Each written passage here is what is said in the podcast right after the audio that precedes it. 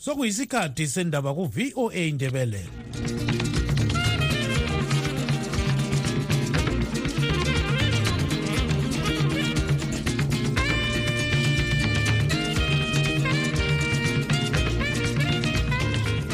lami ngibonge utanono kawande obesipha indaba ngolimi lwesishona.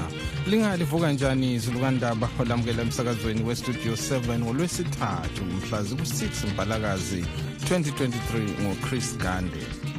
Endabeni zethu lamhlanje ibandla lezanu pf lilandula imbiko yokuthi lifuna ukuthola inani lamalunga edale lephalamende elingenza ukuthi libe lomthetho wokuba umongameli emerson mnangagwa aqhubeke ebusa okwehlandla lesithathu ngomnyaka ka-2028 mina ngibona engathi ngendlela engenzakala yona le ukuthi uza kwelanywa ngabantu abakhe ngoba ilizwe leli kukhanya seliyimpahla yakhe lemuzi yakhe.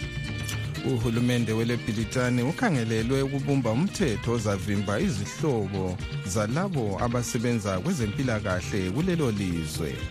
Wenza izinto ezimbili um uletha ifrustration ebazalini balabo bantwana um uphinde njalo udabule izimuli ukuthi zingahlali ndawonye.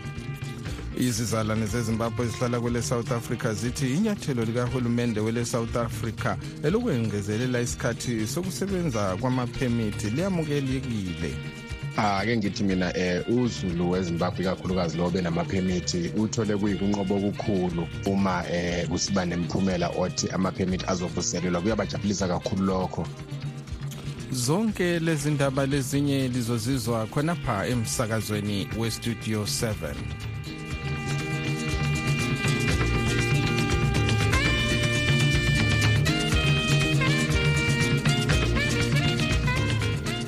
ibandla lezanu pf lilandule imbiko yokuthi lifuna ukuthola inani lamalunga edale lephalamende elizayenza lenelise ukubumba umthetho wokuba umongameli emerson mnangagwa aqhubeke ebusa ukwehlandla lesithathu ngomnyaka ka-2028 isikhulumeli saleli bandla umnumzana chris mutswangwa utshele intatheli zindaba eharare ngeviki edlule ukuthi ukuxotshisa amalunga ebandla le-ccc edale lephalamende okwenziwa ngumnumzana sengezo chabangu ozithi ngunobhala jikelele waleli bandla akulani lokwenza lebandla lezanu pf umthwangwa uthi umnankagwa kafuni kubusa nxa ihlandla lakhe lesibili lingaphela ngomnyaka ka-2028 ukuhlaziya lolu daba sixoxe locubungula ezombusazwe umnumzana thandeko zintimkandla njalo olilunga lebandla le-ccc Eh kangazi ke ukuthi abantu bakhona yini abasakholwa izinto ezikhulunywa yilaba abantu bezana ngoba laba bantu vele ngabantu bamanga luhlazo ngalandelela okuningi abakukhuluma kusukela emuva khonale. Sengitsho lakungena kwayena lundoda ngonovemba 2017 kuzofika namhlanje. Ngohubhuhubhu bakabhejane nje bagcwele amanga um lokukhohlisa abantu. Um eqinisweni badinga yona two-thirds majority leyo ukwenzela ukuthi bakhande imithetho enjengokuthi kulondoda nxa ezabe lokhu esaphila inkosi iseselayo ngo-2028 abuyele. Lokhu abakutshoyo ukuthi okwenzakalayo kakulani labo izinto zikachabango ngamanga luhlaza tshoko simzwile umthwanga esithi ye i-zanup f kumele ivikele uwashman ncube lothenda ibithi emsindweni lo abawuhlokozayo ngochabango uyavikela umuntu ongasuwanga kini njani. Kupolitics iqiniso kithi lo lalowo ukhangela abakibo eqinisweni ngamanga aluhlaza ngombono wami ngibona yiyo into abayikhangeleyo yinto abayijabulelayo ngoba singalibali ukuthi yona izanu ngokwayo ivele. Lokho ilomqondo walokhana okuthiwa yi-one party state lanxa besithi abalasandla kulokho kodwa bayakubona ukuthi ekugcineni bayakhuleka ndeqiniso lanxa lingazi ukuthi bakhuleka njani ukuthi bazuze leyo two-thirds majority. Ngamanga ukuthi bathi lokho kwenzakala kulani labo? Ekugcineni into abayidingayo yi-two-thirds majority. Kodwa yena umongameli emerson mnangagwa umbona ephuma yini esihlalweni ngo-2028 njalo nxa engaphuma ubona kungubani ongamelana into nje yukuthi impilo isesandleni somnikazi omdali wethu sonke. Kodwa vele kangiboni ukuthi lo ndoda lanxa kungathini kwenzakaleni. Ukuthi yedwa nje angehla esihlalweni angikuboni kusenzakala lokho. Nxa eyabe lokhu ekhona um ngibona uzakwalela esihlalweni. Lalaba abazama ukumelama abanye babo enxa soze bawadla amabele kuzofike leso sikhathi. Uyazikhanyela nje ukuthi ngundoda ofuna ukubamba yonke into esidukwini laba abazama ukuthi bathi bayazimisamisa avela mboni. Ngaphandle kokuba nxa sethiwe wafundisa abantu abakhe ukuthi babe njengaye njengoba siyabona ukuthi abanye sebefakwe kukhabhinethi um abanye bakhona kumabhizinesi abanye bakhona lakubutho engxenye-ke ongamelama ngaphuma khonapho ebantwaneni bakhe ngobana uthatha ilizwe leli sengathi yena yinkosi. Ukuthi lapha nyakana ephumayo kube yilifa labantu bakhe mina ngibona ngathi nxa baqeqeshile abantu bakhe uzazama ukuthi babe yibo abamelamayo. Ngobana laba abanye hhayi amboni kuyiwa ndawo. Ungathi uyakhangela khangela labonabo abamfaka esikhundleni ababe bakhulu emasotsheni sebaphela du. Okwenza ukuthi la yenalo ndoda ongumsekeli wakhe uchiwenga impilo yakhe ilenge ngomnxeba ngoba laba ababemsekela abaningi kabasekho mina ngibona engathi ngendlela ekungenzakala yiyona leyo ukuthi uzakwelanywa ngabantu abakhe ngoba ilizwe leli kukhanya seliyimpahla yakhe lemuli yakhe. Lo-ke ngumnumzana thandeko zintimkandla ocubungula ezombusazwe njalo elilunga lebandla le-ccc ubekhuluma ecingweni lestudio 7 ekobulawayo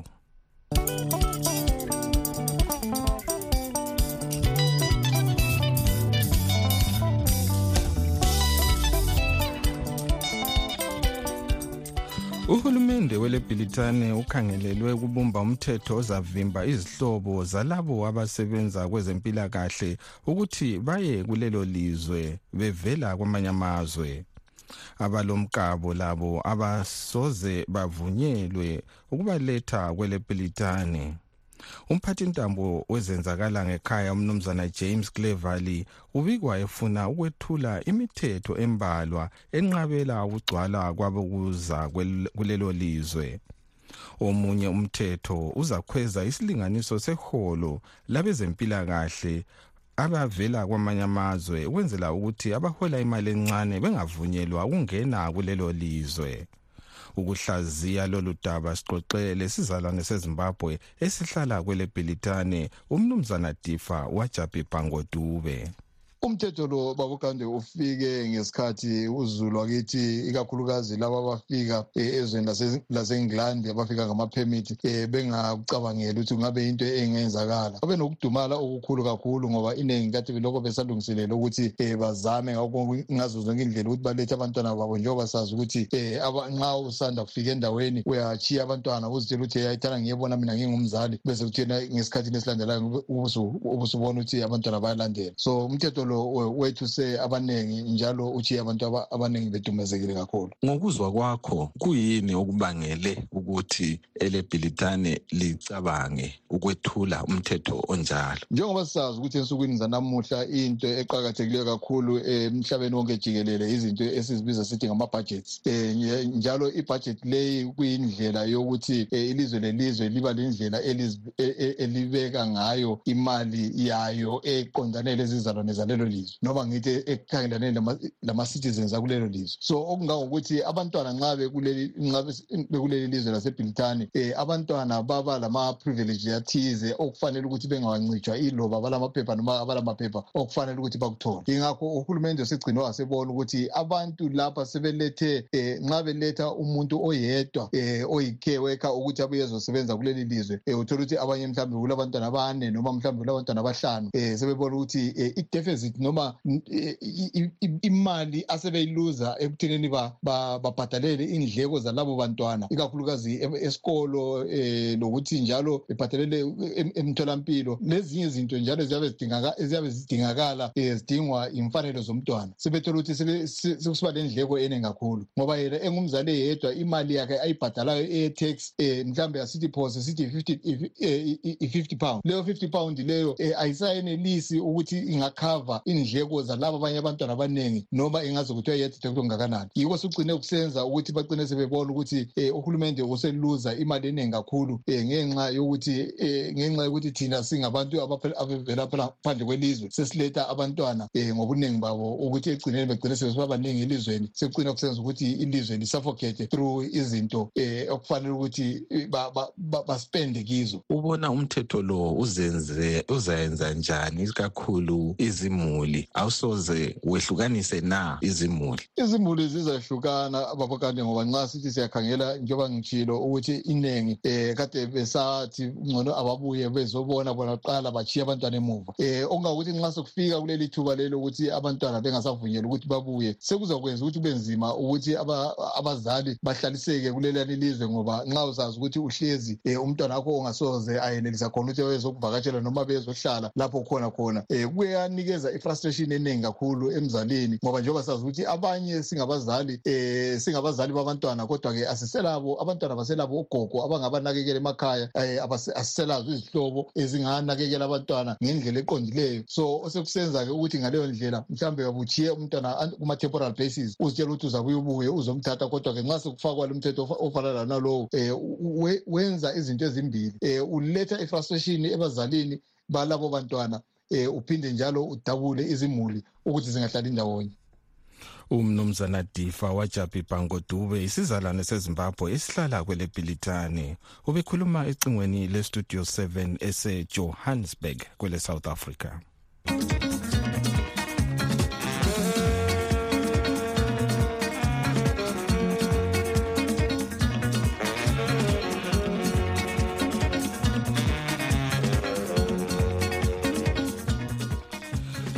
Izizalwane zezimbabwe esihlala kwele south africa sezamukele inyathelo likahulumende walelo lizwe elokwengezelela isikhathi sokusebenza kwamaphemithi uhulumende wele south africa wazise ngeviki edluleyo ukuthi ama-zimbabwe exemption permits asezengezelelwa isikhathi kuze kube ngumnyaka ka-2025 izizalwane zakwele lesotho lazo zengezelelwe amaphemithi azo ngesikhathi esifanayo.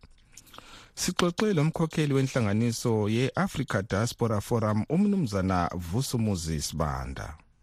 Ake ngithi mina eh uzulu wezimbabwe ikakhulukazi lo benamaphemithi uthole kuyikunqobo okukhulu uma eh kusiba nemphumela othi amaphemithi azovuselelwa. Kuyabajabulisa kakhulu lokho ngoba eh, esikhathini esidlule bekubuke ngathi lokho ngeke kuphinde kwenzakale futhi njalo. Ungachasisa nje ngamafitshane ukuthi abalamaphemithi kumele benzeni ngemva kwalokho osekwenzakile ukuthi angezelelwe isikhathi. Kukhona yini abamele bakwenze? Labo abafaka isicelo sama-waiver ngathi akukho kufuneke bakwenze kuzofuneka balinde nje ukuthi bathole leyo mphumela bazovele bavuselelwe amaphemithi. Bese kusithi labo akade bengafakanga isicelo sama-waiver kuzofanele ukuthi baphindele laphaya kwa-v f s bayofaka isicelo esekungezelelwa kwalamaphemithi ukuze bathole amaphemithi amasha. Lo-ke ngumnumzana vusumuzi sibanda umkhokheli wenhlanganiso ye-africa diaspora forum. Ubexoxa ecingweni lestudio 7 esejohannesburg kwele south africa.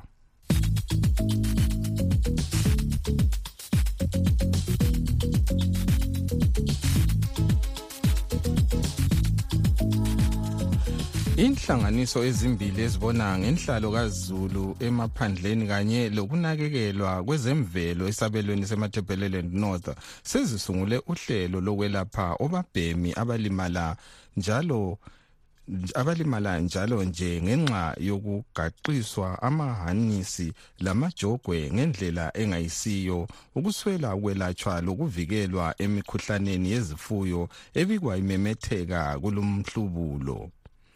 Okuningi asikuzweni kunokuthaba dlamini ese-victoria falls. Abe-green line africa lemathebheleland animal rescue and equine sanctuary mars. Bathi bakubone kumqoka ukuba bahlanganise amakhanda baphume lendlela zokwehlisa inhlupho eziphathelane labo babhemi. Kulandela izikhalazo zezakhamizi ezigoqela ukuphunza njalo nje kwazo imikhaza ukuzaca kanye lezilonda. Unkosikazi lorini mhlanga ongu-programs coordinator kunhlanganiso ye-green line africa uthi uhlelo lolu lusungulwe emangweni wejengwe ewange anduba lusabalaliswe kwezinye. Kungasuka ekufundisweni bayathola njalo impahla yokufaka emadonkini. Lokhu esikuthi khona ngamahanisi ukuze benelise ukuthi bathola amaphedeti hanisi ukuthi befake emadonkini abo ukuze engalimali lamayokho angasindiyo. Njalo olunye uncedo abalutholayo yikuhlatshwa kwamadonki ukuze avikeleke emkhuhlaneni njalo lokudiwemwa kwamadonki ukuze akhiphe izibungu ezingakwanisa ukubana ziphambanise impilakahle yamadonki. Unkosikazi mhlanga uthi uhlupho lwemikhaza ngolunye oluhamba phambili emangweni wejengwe. Esikunanzelelayo yikubana amadonki amaningi ayalimala alezilonda. Njalo okunye esikunanzelelayo yikubana nxa uwakhangele isimo sawo amanye akhona acikazekile okutshengisela ukubana aphathekanga ngendlela e eyiyo njalo imkhaza ngolunye uhlupho olutholakalayo. Omunye wezakhamizi obelethe eyakhe idonki ekilinika umnumzana frank sebatha uthi lolu hlelo luyabasiza kakhulu njengoba bethembe izifuyo lezi ekulimeni ukukha amanzi ukuthwala abantu ngenqola lokunye kodwa kabanakekelwa ngemfanelo. Amadonke abesifa singela ndlela esingazama esingazincedisa ngawo ukuba siwavikele la madonke omunye njalo umfuyi unkosikazi sikhathele moyo laye uyakugcizelela lokhu. Njalo le mikhuhlane ekade ibamba amadonki njengezakhamuzi besingayinanzeleli ukubana ingaba imikhuhlane bani eyenza ukuthi amadonki ethu afe. Kodwa kathesi sesilolwazi lathi ukuthi hatshi amadonki ethu singawabona engasaphilanga kulalapho esizakuya khuluma khona ukubana basincedise. Owenhlanganiso yemezi umnumzana charles ndlovu uthi bakubone kubalulekile ukuxhasa izakhamizi zesabelweni lesi ngokulapha obabhemi kanye lemfundiso yempatho yabo ngesizathu sokusilela kolwazi lolu. Inhlupho esihlangana nazo kakhulu emadonkini um yizilonda lesiphatho samadonki. Okwenza izilonda esikhathi esiningi kusuka kuproblemu yamanisi abantu abawasebenzisayo. So yikho sizama ukuthi siyancedisa abantu ngamahanisi ukuze izilonda edonkeni zingani ziba ngcono. Sibafundisa lokuthi bona bona kumele idonki baziphathe njani le ndlela kumele bazitreat-e ngayo ukuze i-health yayo ihlale i-right inhlanganiso zombili lezi zithi okunye ezikukhankaselayo yikufundisa izakhamizi ngebanga ubabhemi angasetshenziswa ngalo. Bethi kunje olunye njalo uhlupho yikuba abaningi betheswa beseyizitonkwane okubulala amasondo azo okwempilo yazo yonke. Ehlelweni lokuhlaba bathi bavikela imikhuhlane efana leyobhova irebis kanye letetanus abathi isuka layo yande. Bathi lokhu kuyasiza njalo izinanakazana ezifana lenqubabulongwe eziphila ngobulongwe babobabhemi ukuba zingathathi imikhuhlane efana lale ngoba lazo zidlala indima ebanzi kwezemvelo. Ngimele istudio 7 ngisejengwe ngingunokuthaba dlamini chestnuts roasting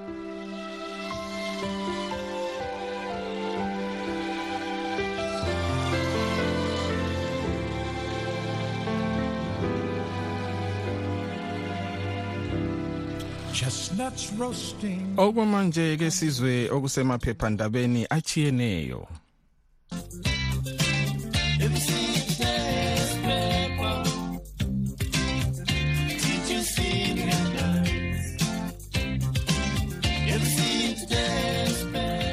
iphephandaba leherald lilodaba lokuthi amapholisa ezwishabane athi isidumbu sikasimbarashe moyo oleminyaka engamachumi amabili lasithoba minwembili 28 sitholakale emoteni yakhe silamanxeba umzimba wonke. Iphephandaba lobulembu ele-new zimbabwe com lilodaba lokuthi uhulumende wele-south africa waqamba amanga ukuthi kulabantwana bedlula amakhulu amane 443 abatholakale bethunjiwe okuthiwa yi-child trafficking ngesilungu bevela ezimbabwe beselizweni lelo. Uhulumende wezimbabwe uthi abantwana ababuyiselwa ezimbabwe bengela maphepha bedlula ikhulu elilodwa nje kuphela 124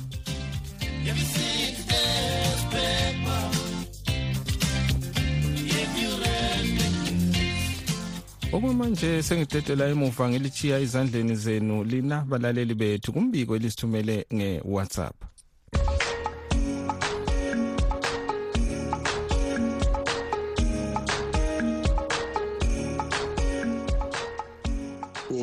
Studio seven studio seven sanibona ngicabanga ukuthi um manje umnanga kwinto zimhambela kahle. Ngicabanga ukuthi i-zanup f yonke jikelele labogawule konke labochum bahappy-ke ngoba abantu bechiswa la e-south africa. Ngoba kuzantu bezofela la bechiswa nje kuyisenzo sabo ngoba kungasokuhlukumeza kwabo abantu ngabantu abakho la ngabantu basekhaya. So abantu bechiswa kanje ngicabanga ukuthi umnankakho kuba mnandi kakhulu kabulala inkomo yenza iphathi ngoba kwehla kahle abantu uma besifa. Manje uyezwa abantu bangezelelwa amalanga ukuthi bebese-south africa yena ugijima uyakhuphula intengo yamapasipoti ukuthi esutha abantu ukuthi bengakhona ukubeza amapasipoti bephume beyesamoya so kajabule ma abantu bechisiwe declude ngoba kwehla kahle kuye abantu bakhe. Ma behlukumezeka so kuhle kakhulu kunangakho le-cabinet yakhe bonke labomthuli bakhona.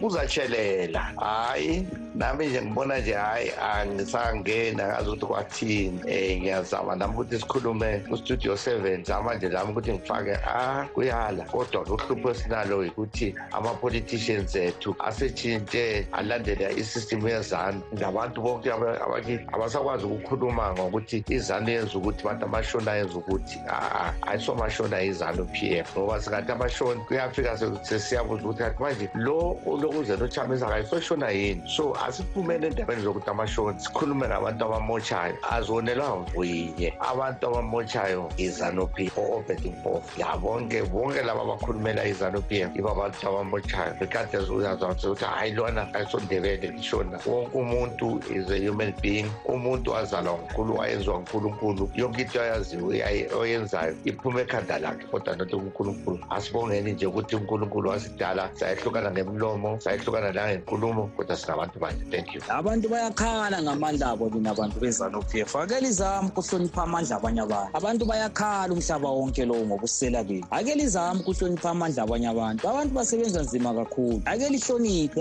amandla abanye abantu. Ngoba kumanje litshontsha inkomo zabantu licatsha ngalo mnankagwa lo. Wonke labasela wezanup f wacatsha ngomnankagwa evidence iyavela wonke umuntu usekubonile ukuthi wonke umuntu owenza ububi ngowezanup khona bazophila ngamandla abantu kuze kube nini? Bazatshontshela abantu kuze kube nini? Bephila ngamandla abantu ngale nto abayenzayo le yokutshontsha inkomo zabantu. Koze kube nini bephila ngamandla abantu? Abantu bakhathele ngabo laba bantu. Kube nga abantu bezanup f akusibo abatshontshayo. Kube sekulo mthetho abawufakayo okhontrola lo busela ukuthi bungaphili kube sebafaka umthetho ukuthi kube ngase kungcono. Manje kuba kwesi and kutshontsha bona futhi. Uyalela esikhundleni yemnankagwa lowu uyalela bona lobo busela. Cabanga ma uzibiza ngopresidenti utshontsha inkomo eziyi-200 ochiwenga lapho 200 inkomo ezadliwa zitshontshwa nguchiwenga manje ubusela benkomo buzophela kanjani? Asiqineni lapho bafuyi sibuyiseni nala masela. Bazoze besisho kuphela mathintitha lo okhulumayo ufuna ukuza uhulumeni uzoza nini emandebeleni ezosho ukuthi wayebabulalelana omkhulu bethu labo gogo bethu. Uzoza nini uhulumeni uzositshela ukuthi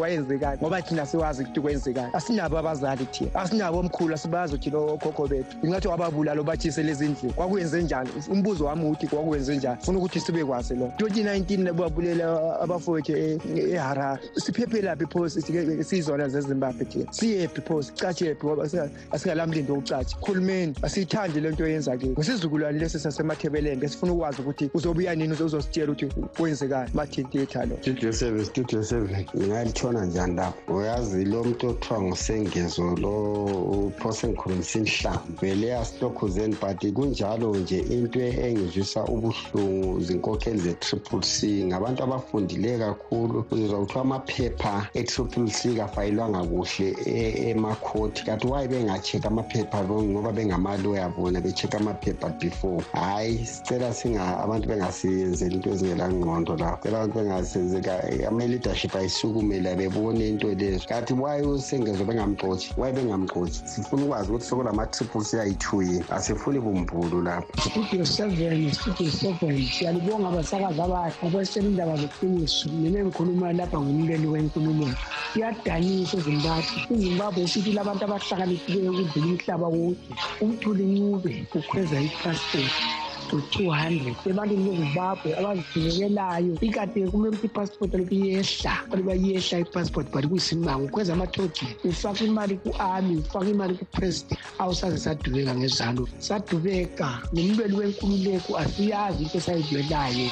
Asiyazi into eyadlwelayo kanti salwela ukuthi abantu bazibuse. Kabayekele uchamisa sibuse salwela ukuthi abantu bazibuse. Sidlwelanga ukuthi abantu ma-individual sidubekile. Nkulunkulu unkulunkulu kangenele bantu. Bayibabona sadubeka abingelela abasakazi bonke. Thina sibuhlungu. Usengezo kasali lo sisi wakhe lo. But angafaki isithombe sikachamisa kasibale khonapho lani bonani ukuthi liyafaka amayezinye izinto kini. Ifaka okunye nje kunye ibizo etha lilungisa asale le sisi le sibona ukuthi bona abamlandelayo bazavotela yena usengezo senguye upresident waleyo sisi yena. Uyasicaphula vele into kasengezo le. Hayi akulakuthule ezimbabwe ngenxa kasengezo uyokwenza izitori zakhe ibhayiscope ngiyabonga. Studio seven siyabonga. Kuyadumaza kakhulu ukuzobhilive igawole sebekhulumela ukuthi bacela i-ngo ukuthi size abantu bayahlupheka le cholotsho kibo. Bayazi echolotsho akunamanzi akunamadamu nkomo ziyaphela izwe lonke nje bayazi behlulekile beyizana ukugubha amadamu for 50 years. So njengamanje baxotshe ama-ngo besenzela ukhetho lolade belwenza becela uchamisa becela i-triple kungala muntu ozobona ukuthi bacela kanjani. So njengamanje bazoyiqala kuphi i-ngo ukuthi buye izobasiza njengoba isomiso singaka. Inkomo zabantu ziyaphela abantu bayaphela ngendlala igovernment yeday yona le yezanu even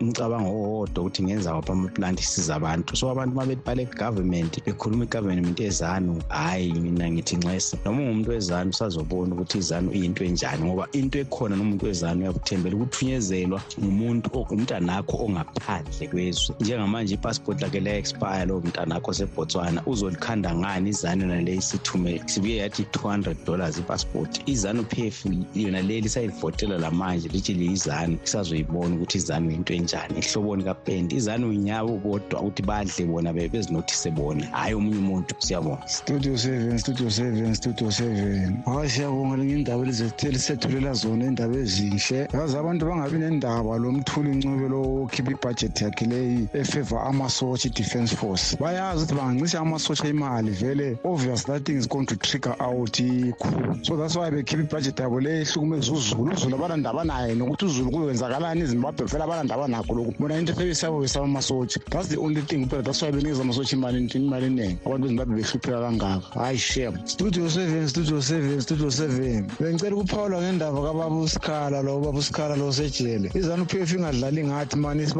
mani ngoba sebethola ipressure lapha ku-un bakhulula ubaba usikhala ejele. Bazokhulumisana ukuthi uchabango bese bethi nguye uchabango okhipha usikhala ejele. Bangabodlala ngathi asiziphutha thina uchabango uzomkhipha kanjalo ubaba usikhala ejele uzomkhipha kanjani kumele amkhuphe ngoba ngoba ngathi ngathi ngongwezanu laye ngosengwezanu yikho izwi likachabango lizozwakala ngoba ngwezanu selizama ukhampena ngayo uchabango lo uthi thina bese sidala sithi uchabango ukhipha usikhala ejele kungayisiyo uchabango umkhipha usikhala ejele ngoba izanu p f sithola ipressure ku-un b bakhulula isikhala ejele asiziphutha thina. Zanu p f ingadlali ngathi mani? Ngesikhathi senguquko kungacaci kahle okwenzakala emhlabeni. Esikuzwayo kungayisikho esikubonayo. Sidinga iqiniso. Sitshelwa izindaba ezingaphelelanga silahlekelwe liqiniso. Ngesikhathi sohlupho amaphupho ethu ithemba lezifiso zekusasa enhle kwenzakala uma abezindaba bekhululekile. Umsakazo we-voice of america silethulela izindaba ezitholwa ngokuzinikela okuphezulu. Sixhumanisa abantu ngokubethulela iqiniso. Kumsakazo we-voice of america silethulela okwenzakalayo njengoba kunjalo. Zulu kandaba isikhathi asisavumi ukuba siqhubeke sisonke kodwa singakehlukani ke sikhangele ezinye zenhloko zendaba ebesilazo kuhlelo lwethu lwalamhlanje ibandla le CCC sele uh, isikhathi njengoba ngichilo hasavumi silugqibeke lapha uhlelo lwethu lalamhlanje abanganelisanga ukuzwa indaba zethu lilakho ukuzilalela ebulenjini ku www.voaindebele.com olivalelisayo ngesithi asidibaneni njalo kusasa sikhathi sinye. Igama ngu Chris Gande.